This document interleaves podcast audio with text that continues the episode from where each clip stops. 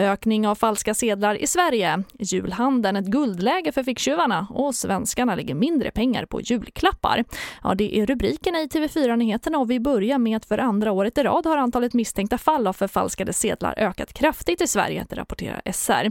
Hittills i år har nästan 3 000 fall av misstänkta oäkta sedlar kommit in till Nationellt forensiskt centrum hos polisen och förra året var siffran för samma period drygt 1 400.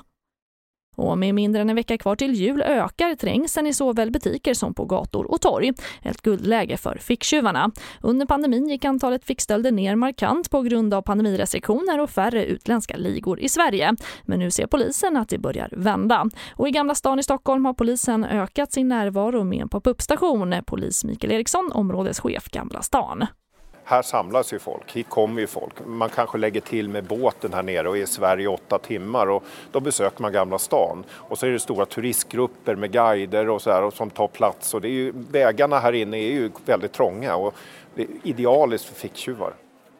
Och på tal om julhandeln verkar det bli färre klappar under granen i år. Förra året la svensken 4 200 kronor på klappar och i år är summan 3 900 kronor. Och detta enligt Nordeas SIFO-undersökning. Men julmat och julpynt däremot, det verkar vara heligt för det vill vi inte dra ner på. Här hör vi Ingela Gabrielsson, privatekonom på Nordea.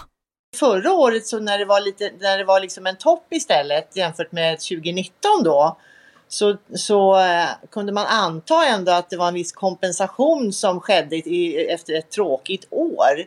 Och att man ville lägga mer på julklappar och även om man inte firade då jul med så många kanske man istället ville skicka julklappar eh, som kompensation. Det kunde ju vara en förklaring.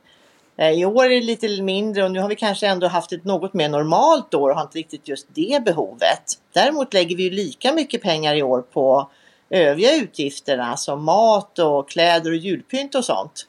Och ett längre inslag med privatekonomen Ingela Gabrielsson kan du se på tv4.se där du också kan hitta flera nyheter i studion idag, Charlotte Hemgren.